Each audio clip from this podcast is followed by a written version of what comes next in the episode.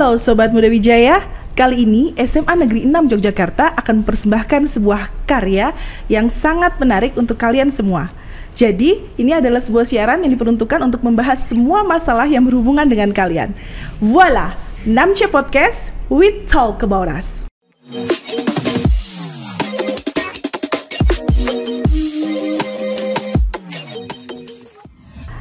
Jadi, acara ini bakal tayang uh, setiap hari Jumat di YouTube official uh, 6C.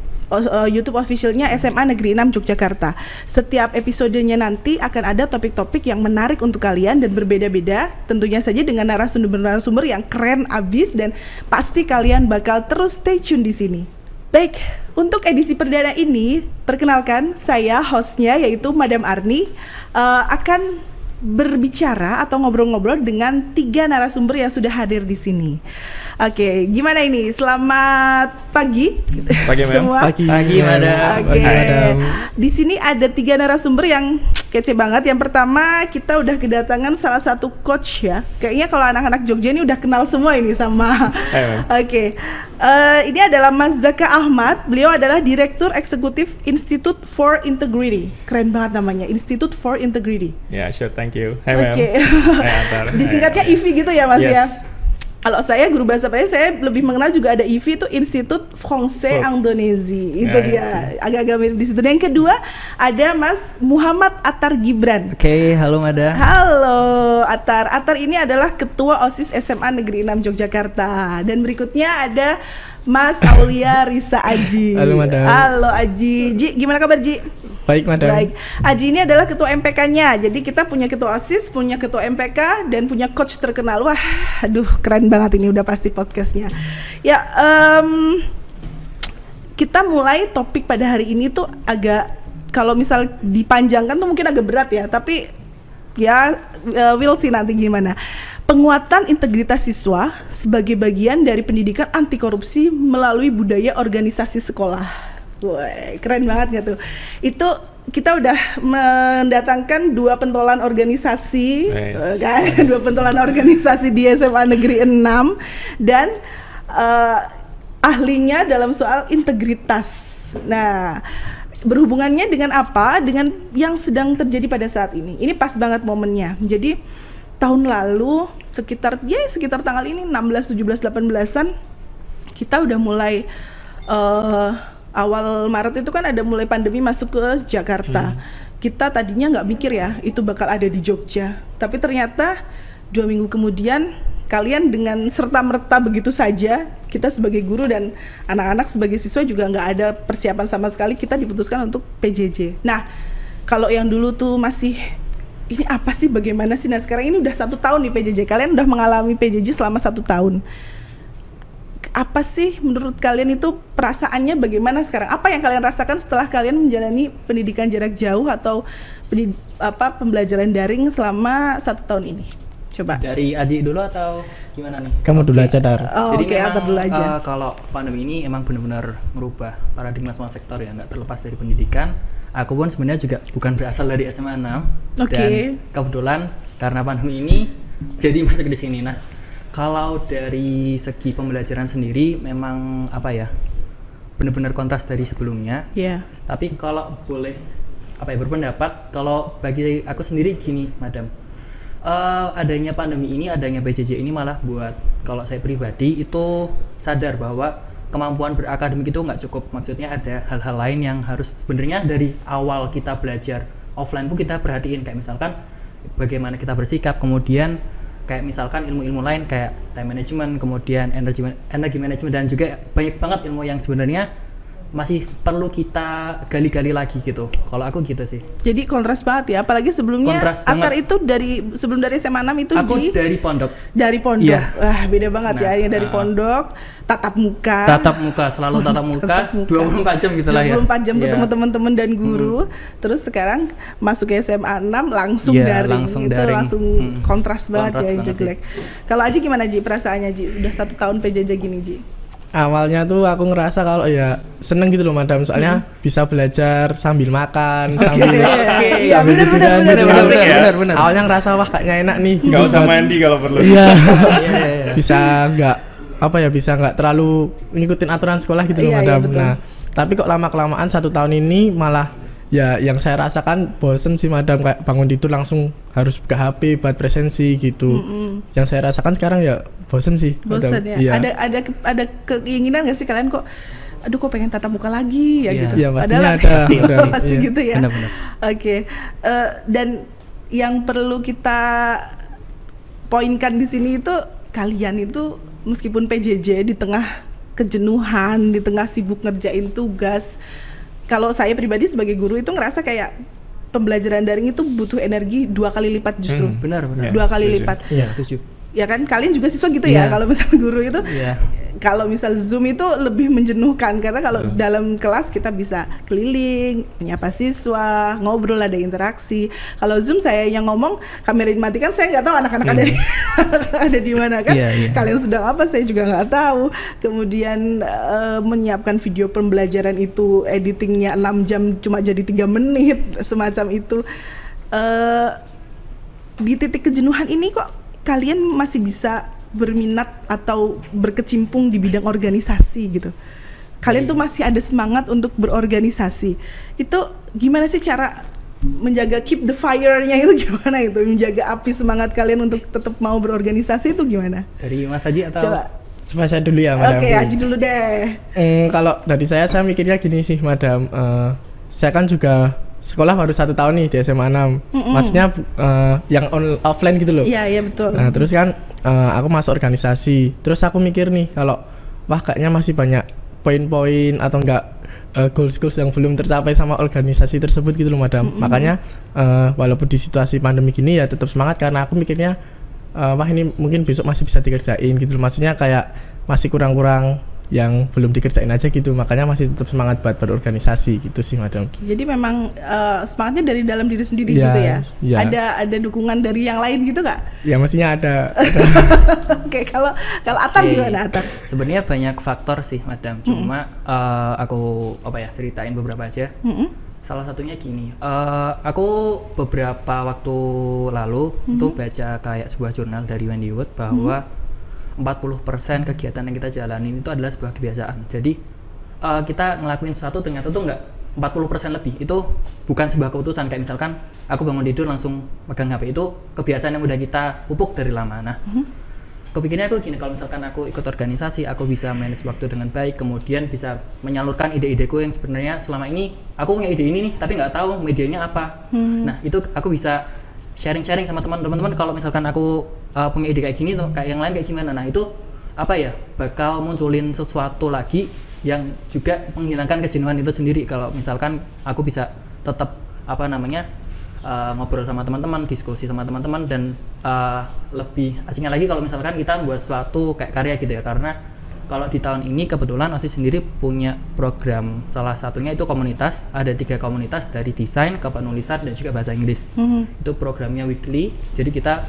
uh, karena kemarin juga apa ya kita bikin kayak semacam evaluasi gitu sih. Sebenarnya apa yang pingin teman-teman capai di OSIS? Kayak misalkan mereka pingin uh, kayak apa meningkatkan uh, sifat kepemimpinan mereka dan juga yang lain-lain. Nah itu sebenarnya kalau saya bilang saya korelasikan dengan jurnalnya tadi bahwa uh, ya hal-hal yang kayak gitu itu nggak bisa dicapai dalam yang misalnya kayak event yang satu setahun sekali gitu. Apalagi kalau misalnya pandemi ini kita nggak bisa event kayak dulu-dulu. Nah gimana caranya? Ya udah kita bikin tuh kebiasaan dalam berorganisasi. Gimana sih uh, cara kita nyari materi gimana cara kita narik teman-teman gimana cara kita kayak ini uh, bentar lagi insya Allah hari Jumat uh, itu bakal ada sharing-sharing dari teman-teman Segbit 10 dan juga di hari Sabtunya Segbit 8 yang Segbit 10 itu mau kita undang dari teman dari Kazakhstan Mhm. kita kayak ngobrolin kayak daily life-nya di sana gimana sih karena kita sama-sama ngalamin hal yang Bukan serupa. Dayana tapi ya. bukan bukan bukan Dayana bukan Bukan Dayana, ya.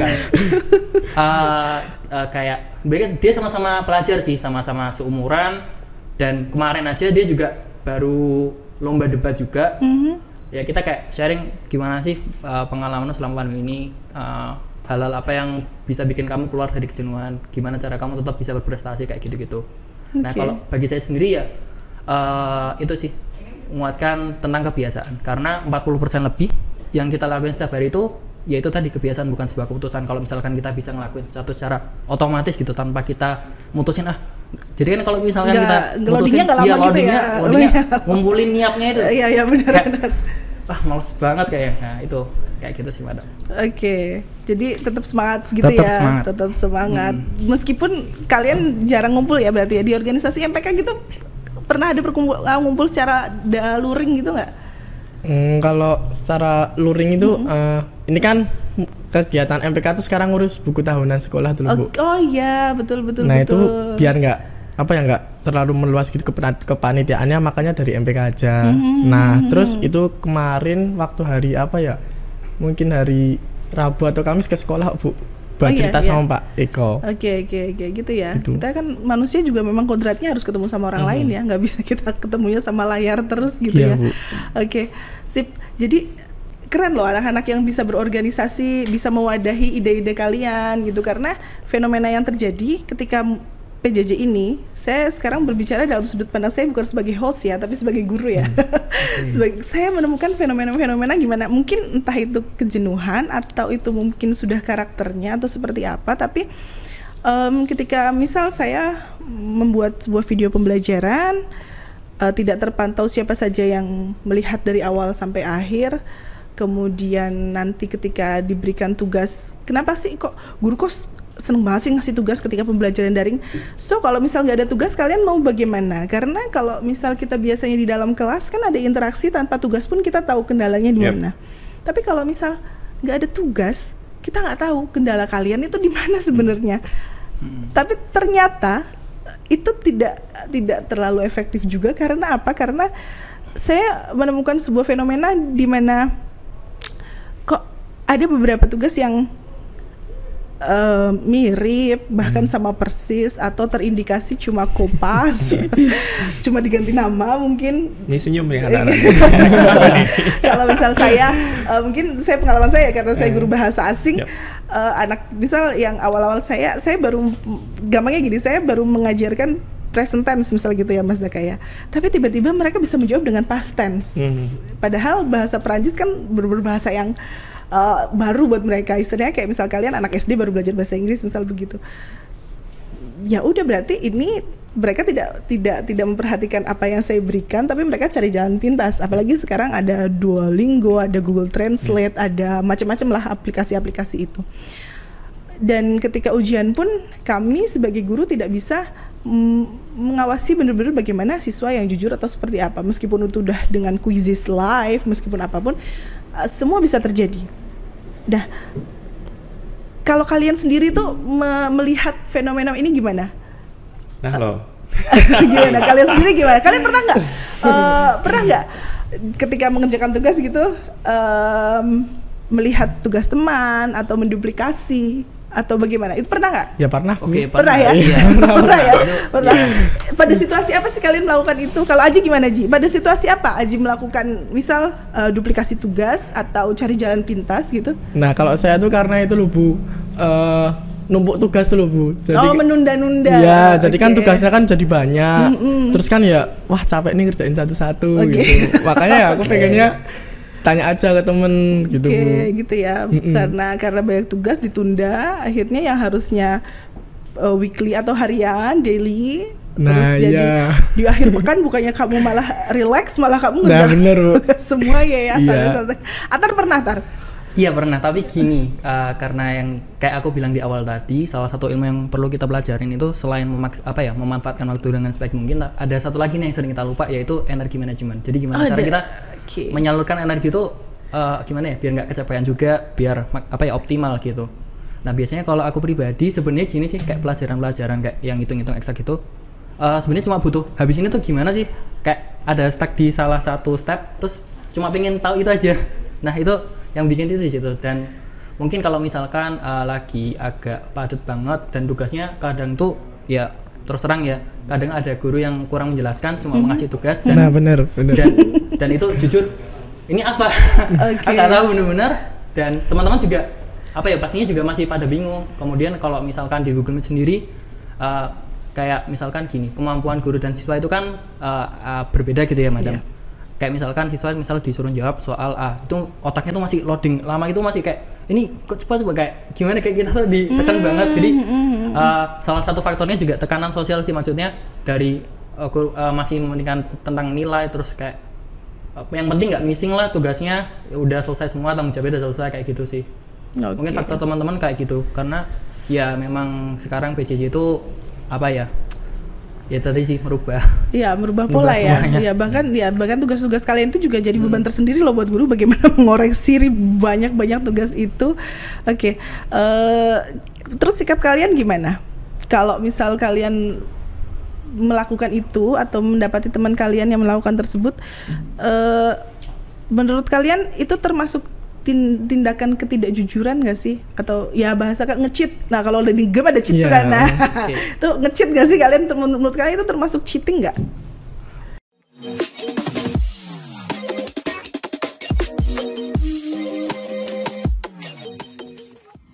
Oke, jadi eh, kayak yang tadi aku sempat sebutin tentang kayak habit gitu ya. Jadi kebiasaan itu apa ya? Bisa berdampak baik untuk kita dan sebaliknya gitu. Kalau misalkan kita terbiasa untuk kayak melakukan hal-hal yang kayak tadi konotasinya negatif kayak gitu, ya apa? Outcome-nya tuh bisa menjalar ke sektor lain kayak misalkan tentang kejujuran tadi bisa misalkan kalau sekarang mungkin cuma sekedar tugas tapi lama-lama "Ah, nggak apa-apa lah dikit Hmm, sekali-kali lah gitu kan Oke. nanti kalau kebiasaan uh, itu itu sih bahayanya di situ. Nah gimana caranya? Kalau ke- kemarin juga teman-teman osis sempat ngadain kayak evaluasi kritik dan saran gitu ke teman-teman uh, 6C kita ada salah satu pertanyaan gini uh, kendala teman-teman di saat PJJ apa sih? Misalkan ada nggak? Kalau misalkan ada apa? Solusi osis buat uh, membantu teman-teman Uh, ada yang bilang beberapa, nggak cuma satu bahkan itu pingin konsultasi dengan guru BK. Karena kita kan nggak pernah tahu latar belakang teman-teman di sini kan beda semua. Ada yang mungkin di rumah itu nyaman-nyaman aja belajar online tuh malah semakin seneng karena fasilitasnya lengkap dan kawan. Tapi ada yang mungkin kurang, ada yang mungkin ngerasa rumah tuh kayak nggak nyaman banget buat belajar kayak gitu-gitu. Ya, terus kayak misalkan uh, tadi nih belum paham kayak mereka tuh butuh penjelasan yang lebih intens gitu mereka uh, tugasnya numpuk terus nggak bisa ngerjain tuh malah kayak apa ya malah capek dimikirnya gitu. Jadi mereka malah uh, butuh ya istilahnya butuh teman buat ngobrol sih sebenarnya buat uh, masalahmu kenapa. Dan kayak misalkan pelajaran-pelajaran di sekolah itu kan uh, butuh dasar. Kayak misalkan kalau misal kamu belajar turunan kamu harus belajar A B C D E. Nah kadang teman-teman juga kalau belum paham suatu materi bukan karena materinya juga susah tapi belum paham materi sebelumnya kayak gitu sih. Jadi ada nggak sih opsi kompleks. kalian konsultasi sama guru secara pribadi langsung begitu mencoba dulu karena memang fenomenanya kayak s- saya melihat sudut pandang guru ya hanya sebagian kecil anak-anak yang berani untuk konsultasi yang melatar belakang kalian nggak berani konsultasi itu apa sebenarnya coba kalau Aji Aji Aji sekarang eh, melihat fenomena cheating di antara teman-teman Iya. dan anak-anak sekarang nggak cuma nggak cuma kalian ya kita Iya, lihat Bu. semua hampir semua anak itu melakukan itu gimana Ji menurut kamu Tentang cheating itu, Bu. Iya. Ya, itu nanti takutnya tuh loh, Bu, kalau kita terbiasa nyepelin hal-hal yang kecil kayak tugas gitu ya bener yang sama yang dikatain Atar kalau nanti berdampak ke hal-hal yang lain gitu loh, Bu. Jadi ya kalau bisa mulai sekarang ya dikerjain tugasnya lebih tepat waktu aja. Tapi dari, dari, berarti dari dalam hati gitu. kecilmu, eh, maaf, dari dalam hati kecilmu itu merasakan ini tuh salah loh gitu. Ya, kan. iya, Bu, Iya, emang, Gitu, Bu, bener kadang, ya. Bu. Alhamdulillah berarti masih ada perasaan bersalah ya ketika Terus nanti kalau ya. kalau misalkan aku nyontek gitu nanti aku mikirnya kalau aduh kalau temanku belum ngerjain terus terus aku harus gimana gitu loh bu. Jadi aku nggak bisa nyontek ke temanku kan. Temanku juga belum ngerjain. Terus nanti aku juga udah ketinggalan pelajaran malah nggak paham sama pelajarannya itu gitu loh bu. Jadi ya malah ngerugiin diriku sendiri. Oke gitu. Nah sekarang kita kita akan dengar nih pandangan dari Mas Zaka nih. Kan sudah anak-anak Oke, tuh oke. sudah kalau bahasa Jawanya tuh ngudoroso gitu ya. Sudah mengeluarkan apa yang ada dalam uh, ini mereka selama di PJJ udah setahun nih jenuh nih Hmm. banyak tugas nih akhirnya kita cheating nih. gitu. Nah itu gimana Mas Zaka? Silakan. Jadi fenomena macam ini sebetulnya sudah terjadi jauh sebelum ada PJJ. Kecenderungan kami pernah melakukan riset 2017, kami punya program namanya Sekolah Integritas sejak 2015. Oke. Alumni kami sudah hampir 7.000 orang dan di setiap sekolah integritas kami selalu menanyakan siapa di antara kalian yang belum pernah nyontek. Misal peserta ada 100 tuh, paling cuma satu orang, dua orang yang tidak mungkin. Akhirnya kami melakukan riset 2017, 1000 siswa, 5 kabupaten kota di Jogja, uh, purposive sampling, sekolah favorit nggak favorit swasta negeri dan seterusnya, hasilnya dari seribu orang itu yang belum pernah nyontek cuma tujuh orang. Wah. Wow. Artinya apa? Dalam situasi normal, Iya. keadaan mencontek itu menjadi habit di siswa-siswa kita. Dimaklumi Apa- gitu ya. Dan mereka menganggap itu sesuatu yang normal. Ya ini yang dilakukan oleh semua orang. Justru ketika anda tidak mencontek, kamu nggak nyontek, misal kamu dianggap aneh, kamu bakal dibully, "Eh, kamu sok, Iya, iya. sok suci, Iya. sok suci. Soalnya dibilang seperti itu, lalu, lalu anak ini tertekan. Ambis banget sih gitu. Iya iya, pasti mereka. Jadi ada mereka selalu dilabeli dengan hal-hal negatif ketika mereka berusaha untuk jujur dan mereka dijauhi dan seterusnya dan seterusnya. Nah sekarang bayangkan ketika kita di dalam pengawasan, kita dalam keadaan lelah karena kita sekolah online, situasinya pasti akan semakin memburuk. Masalahnya adalah tidak dari semua kita sadar bahwa habituasi ini yang dibicarakan Atar tadi itu dampaknya buruk bagi karakter. Jadi dalam teori perilaku atau behaviorisme simpelnya itu ada habituation creates karakter. Pembiasaan itu menciptakan karakter. Saya pernah ngobrol sama teman saya anak manajemen dia bercerita dalam ilmu manajemen ketika seseorang melakukan satu pekerjaan minimal 10.000 jam, this individual call as professional. Nah bayangkan kalau kita melakukan nyontek lebih dari 10.000 jam, we're professional cheaters. Mulai Iya. kalian mulai kalian mulai cheating. No, tapi ini- kelas berapa coba? Nah, ini kalian mulai cheating kelas berapa? Karena di riset kami itu anak-anak mulai cheating ketika masuk akil balik. Kelas 6, kelas 1 SMP, mereka mulai malu. Faktornya banyak. Salah satu faktor yang mengemuka adalah adanya social pressure. Orang tua expect setiap anak itu pintar dalam segala hal. Oke. Dan kamu akan being valued based on nilai kamu gitu. Iya. Bukan based Iya, on iya. kejujuran kamu. Ya bodoh amat kamu jujur gitu kan. Nilai kamu berapa? Kalau enggak kamu akan malu. Dan eh, permasalahannya adalah tidak semua orang aware, entah sekolah, entah anak ini sendiri ataupun orang tua tidak aware bahwa setiap anak itu punya kecerdasan masing-masing. Kalau kita refer ke teori pendidikan ada multiple intelligence theory, Iya, ada delapan jenis kecerdasan bahkan menjadi sembilan ada linguistik, numerical, logical, logical numerical, ada ada natural. musical, natural, per- interpersonal, intrapersonal macam-macam. Setiap anak memiliki kecerdasannya masing-masing. Problemnya adalah orang tua tidak tahu bahwa setiap anak punya kecerdasan masing-masing. Tidak semua guru aware bahwa setiap anak punya kecerdasan masing-masing. Semua di-expect untuk jago matematika pada saat yang sama. Padahal That's tidak right. semua orang mampu untuk punya kecerdasan logical numerical sebaik si individu ah, si individu. Semua orang di-expect punya kemampuan bahasa yang sama. Nah, perlakuan ini membuat ngasih pressure ke anak-anak ini. I have to be good in everything. And you Yes. have to be good in everything. What will what will you do? Do anything. Kalau perlu cheating dan seterusnya dan seterusnya. So kita mencoba mendapatkan angka, tapi kita kehilangan value. Kita kehilangan nilai yang lebih besar. Bahkan ada drama tuh tiap tahun tuh. Kalau udah mulai ujian nasional tuh saya sering mendengar di sekolah A anak-anak dibiarkan nyontek atau bahkan ada s- apa soal-soal yang udah keluar Udah dulu keluar bocor dan dulu. macam-macam gitu. Jadi itu kan drama tahunan kita kan pura-pura pinter ya dengan angka yang tinggi walaupun didapatkan entah dengan cara yang seperti Iya. apa. Dan itu ya energinya habis-habisan di sana. But the thing is, ma'am, I think kayak gini tuh akan apa ya? Memang sedang terjadi dan it's getting worse karena situasi semacam ini. Karena anak-anak mengalami kelelahan dan lain sebagainya. Jadi yang tapi yang tidak di, di- disadari oleh semua orang adalah this is bad. Kenapa? Ya tadi kamu menghabituasi dirimu dengan value yang sebetulnya keliru. Di situ kan ada pelanggaran pada integritas akademik. Mungkin, Mas, aku kan cuma nyontek, aku kan cuma ngerjain tugas tak copy paste. Kalau kamu mengulang itu terus, itu jadi problem. Tapi terlepas itu problem deh. Alasan pertama adalah kamu tenang nggak? Jawabannya adalah nggak tenang. Kenapa? Iya. Karena sebetulnya setiap orang itu adalah diciptakan menjadi orang yang baik. Maka ketika melakukan kejahatan, nyontek apa, mencuri macam-macam, Hmm. kamu nggak tenang. Iya. Jadi alasannya nggak usah alasan yang muluk-muluk deh. Kamu pengen tenang nggak? Kalau kamu pengen tenang ya udah lakukan aja sebisa kamu. Tapi ini juga butuh komunikasi. Memang harus sekolah Iya paham, guru-guru mengerti, anak-anak Orang tua. paham, orang Iya. tua, agar pressure-nya itu nggak di sana. Iya. Karena kan pressure-nya kamu, saya nggak mau tahu ranking kamu harus bagus. Sekolah kita harus mempertahankan nilai, reputasi dan seterusnya dan seterusnya. Padahal di dalam akhirnya ya demi reputasi dan lain sebagainya itu we sacrifice something bigger. Apa itu? Karakter. Nah, kalau kita sepakat dengan karakter ya harus diobrolin bareng-bareng. Tapi saya ngerti situasi yang dihadapi mereka bahwa mereka lelah, mereka aduh gitu kan. Hmm, Ya, iya, menurut iya. saya dia, eh, but this is nice ketika kalian masih oh ya, I feel guilty gitu. Cuma ya, ya itu praktek yang dijalankan oleh eh, hampir semua anak saat ini karena mereka kelelahan, mem. Jadi eh, gimana ya? Respon saya adalah mungkin yang harus disadari tadi sih, bagaimana apa sih pada akhirnya dampak buruk dari perilaku semacam ini? Karena di for us it's a simple thing. Kayak ya udah nggak nggak nggak nggak Ya, apa-apa ya, ini kan betul. semua orang melakukan ini. Tapi di balik itu kan ada sesuatu yang yang gede. Ya, gitu. terlepas dari itu ya, sedikit Ya. intermezzo nih ya. Saya punya pengalaman pribadi dulu, ingat banget ketika uh, saya SMP. Mhm. Saya tuh tipe anak yang um, Bureng, mem. uh, bureng gak? Waktu dulu kecil bureng sih. saya dulu ranking satu terus begitu ranking tiga saya pingsan gitu. Tapi ya ada satu. Seriously? Seriously. Oke. Oke.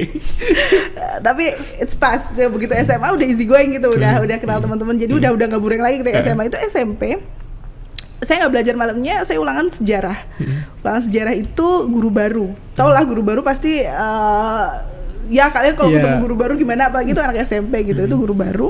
Saya nggak belajar malamnya. Uh, terus saya ulangan. Saya lihat teman-teman saya tuh di laci tuh pada buka-buka LKS tuh. saya ikut. Hmm. saya buka LKS set. Lihat soalnya dilihat ada jawabannya. Tapi terus entah itu mungkin ini yang yang jadi eh, apa ya titik balik gitu ya. Saya tuh merasa kayak seret ih kok hina banget ya aku ya? Saya langsung kayak gitu. Soal kayak ini tuh harusnya kamu tuh bisa melakukan ini dengan kemampuanmu gitu. Kenapa kamu semalam nggak belajar? Ketika aku buka gini terus kayak deg-degan rasa deg-degan gitu. Meskipun ya saya itu jujur ya saya sejarah saya bersekolah saya nggak pernah bikin contekan saya nggak pernah nyontek dalam teks terus eh, soal gitu. Tapi kalau tanya-tanya temen gitu boleh lah saya pernah Iya. melakukan itu saya pernah melakukan itu.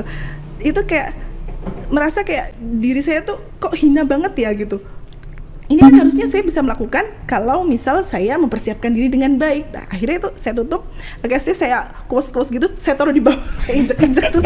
Saya, saya melakukan pekerjaan itu dengan dengan semampu saya, dengan semampu saya dan ya, meskipun hasilnya ya lebih jelek dari teman-teman saya, ya itu. Jadi dan sampai sekarang pun saya kayak merasa eh, ini loh yang harus ditanamkan ke anak-anak saya.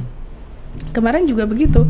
Ya saya pun nggak- ke anak saya gitu kamu nggak masalah nilainya berapa jujur tapi usahakan secara maksimal. Karena saya juga pernah punya pengalaman begitu sama orang tua saya. Saya pernah dulu pelajaran agama tuh dapat nilai 60 gitu.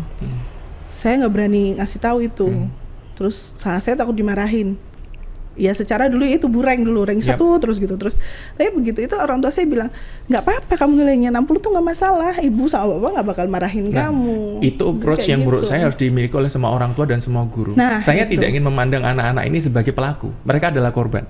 Oke. Kenapa? Karena mereka adalah anak-anak. menarik ini menarik mereka ini. adalah anak-anak, mereka belum punya rational decisions. Ya, Yes. walaupun serasional-rasional mereka, mereka tetap anak-anak gitu. Iya. Dan kenapa kemudian mereka memutuskan menyontek? Ya karena pressure ini tidak ada kesepahaman bersama antara semua orang bahwa yang paling penting adalah karakter. ya Orang tua, masyarakat, sekolah bahkan terkadang menanamkan ke anak-anak bahwa you're being valued based on kamu ranking berapa, nilai matematika kamu berapa, bukan based on karakter kamu seperti apa. Kita menggembar-gemborkan tuh pendidikan karakter, tapi kita sendiri tidak punya perspektif itu. Bahkan bagi kita, loh, reputasi sekolah lebih penting dibandingkan kamu nanti jujur apa enggak, misal. Bagi orang tuamu juga nama baik bapak ibumu mau dikemanakan, nak, gitu kan. Terus Iya. pernah kalian dapat tekanan seperti itu aku enggak sih oh enggak oke alhamdulillah ya Enggak, orang tua. masalahnya tidak semua orang tua Iya. punya awareness semacam Iya, itu, betul. tidak semua guru punya awareness semacam itu, masyarakat juga punya awareness semacam itu gitu. Nah, mungkin eh, adik-adik beruntung dengan keluarga dan yang bisa memahami semacam itu. Mem Arni juga karena pengalaman beliau ya ke putra putrinya juga di seperti itu. Itu di expect untuk hadir gitu. Nah, itu kenapa bagaimana memulainya? Memberikan pemahaman ke orang tua bahwa tidak ada anak yang bisa segala hal.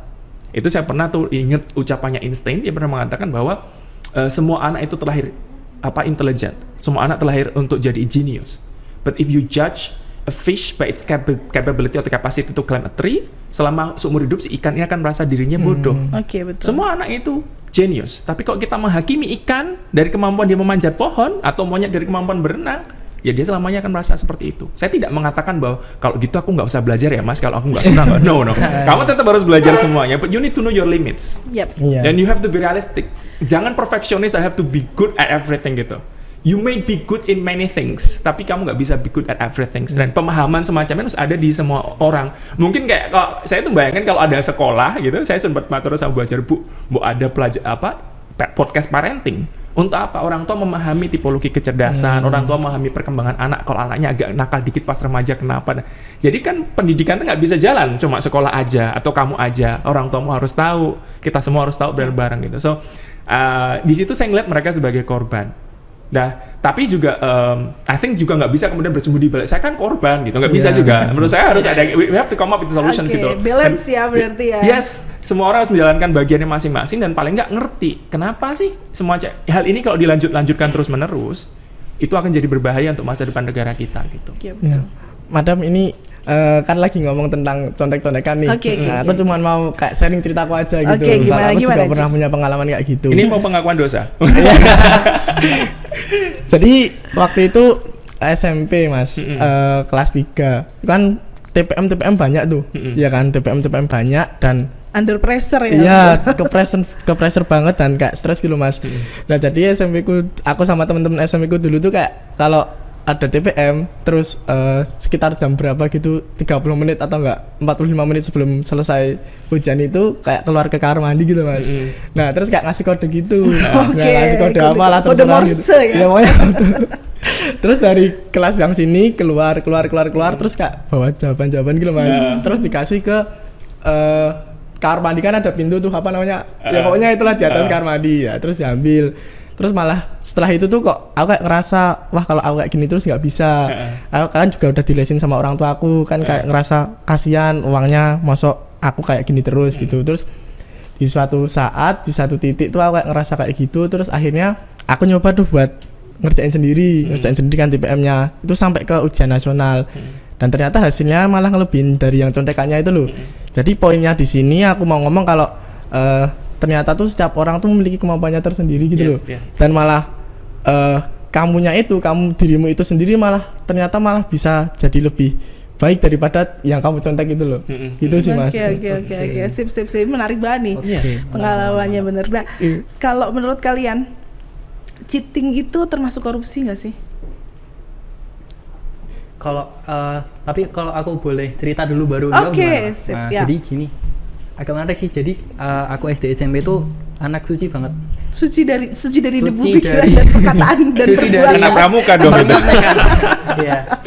Jadi eh, tapi ada satu yang tak garis bawahi bahwa aku dulu tuh nggak punya kebiasaan untuk belajar atau belajar hal lain lah. Oke. Jadi dari SD itu aku ikut banyak banget lomba, entah itu OSN, entah itu Berarti apalah. Kompetitif ikut banget semua. ya kamu ya. Tapi Kompetitif. kebetulan pada saat itu bukan karena eh, keinginan gitu, tapi Oke. di- diikutkan sama guru misalkan kayak gitu. Oke.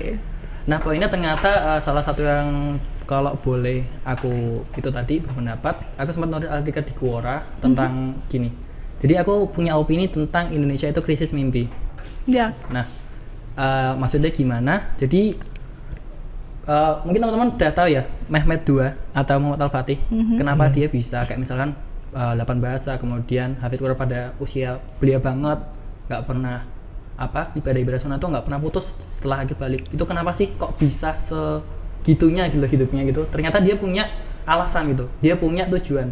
Dan yang itu yang kurang ditanamin entah itu dari sekolah atau orang tua kepada anak-anaknya bahwa kamu hidup tuh nggak sekedar ngalir aja loh. Kalau jadi kayak kita tuh ditanamin suatu kayak target biar kita atau tujuan ya tadi sebagai biar apa? Biar kita tuh hidupnya tuh meaningful gitu. Jadi setiap hari kita tuh nggak mau ngerelain satu detik tuh buat apa ya? Buat ya nggak Something useless. Iya, Hmm, something useless, ya. oke lah buat istirahat tapi setelah itu kita on the track lagi gitu Oke. kayak gitu sih sebenarnya yang perlu mungkin dimasukkan ke dalam kurikulum sekolah kita tuh uh, kayak apa sih tujuan kita tuh hidup tuh kayak kita bakal ngapain di dunia ini pasti karena gimana ya manusia tuh dilahirkan punya tujuan masing-masing gitu loh kayak gitu sih Mam. kalau masalah tadi yang cheating itu gimana eh iya sih kalau untuk efek berkelanjutannya kayak apa ya istilahnya butterfly effect gitu ya mas. Oke. itu bakal anu banget sih Mas. Eh, bisa menjalar ke mana-mana sih. Dan solusinya gimana? Mungkin dari ini bakal eh, aku saranin ke teman-teman juga sih. Eh, kayak misalkan kita program buat ngobrol ke guru BK karena kan emang kita nggak tahu ya latar belakang masing-masing siswa tuh punya latar belakang masing-masing. Ada yang dia itu di rumah misalkan kurang nyaman dengan kondisi di sekitarnya atau apa pun itu ya harus diajak ngobrol sih sebenarnya Oke betul. Jadi atau kalau misalnya cuma mager ya itu itu ya. itu itu beda, beda lagi, lagi. ya. Itu beda Beda lagi ya. lagi, itu Tapi kalau udah masuk ke kaum rebahan itu Iya. udah udah beda lagi ya. Oke Iya. oke. Jadi memang tapi eh, sebenarnya mimpi itu ya yang penting ya Tar ya. Iya, kalau kata orang Jepang itu apa ya? Ikigai itu mungkin ya. Oke. Kayak apa yang kamu suka, apa yang kamu jago, apa yang dunia butuhin, kamu bisa ngasilin dari situ kayak gitu-gitu sih. That's right. Oke, kalau Aji gimana Ji? Menurutmu tuh cheating tuh korupsi bukan sih Ji? korupsi lah bu Korupsi lah. Oke. Jadi kita semua sepakat ya Mas Zaka bilang kalau cheating itu korupsi nggak? Ya, it is. Korupsi. Sepakat ya. Cuma kita kan nggak ya? bisa langsung dihukum kita harus Iya, lihat iya. reasons di balik Yap, itu kan betul, fokus ke betul solusinya gimana sekali. nih gitu. Gimana tuh Ci? kalau kita kan juga itu kan mesti kan ya cheating kan mas tapi Hmm. kita juga harus ya bener kata Atar ngeliat latar belakangnya gitu loh Hmm. mas mungkin atau orangnya ini mungkin emang nggak nyaman di rumah atau mungkin emang sifatnya suka nyontek atau apa kita kan juga harus tahu. Nah kalau perihal Atar bilang cerita ke guru BK gitu tuh itu nggak semua menurutku menurutku nggak semua siswa-siswi itu kayak nyaman gitu loh mas cerita ke guru BK karena ya yang satu mungkin karena rentang usia gitu mas. Karena kan ya guru BK mungkin lebih tua beberapa tahun gitu kan. Jadi mungkin kayak ngerasa nggak nggak nyaman. Makanya murid-murid kebanyakan SMA tuh kayak ceritanya ke teman-teman aja gitu yang mungkin bisa Oke. ngerti Soalnya kayaknya kayak kalau udah agak tuh kurang relate gitu masalahnya. ya benar Oh, kurang iya. Kalau misalkan sama teman-teman relate gitu ya. kayak, kayak sama teman-teman tuh oh iya aku juga gitu kok gitu kan. Hmm, bener Tapi masalahnya kalau kamu nanya ke your friends, ya mereka juga belum punya cukup Belum punya- pengetahuan Nah, ya, untuk iya. kemudian ngasih tahu what to Iya. do gitu. Oke, ya, sip. Kita udah mulai memanas di pembicaraan Oke. nih. Oke, oke, kita jeda dulu ya. Siap. Oke, kita jeda dulu. Kita akan break dulu. Nanti kita bakal akan lanjutkan lagi pembicaraan kita yang sangat menarik ini. So, tetap stay tune di 6C Podcast. We talk about us.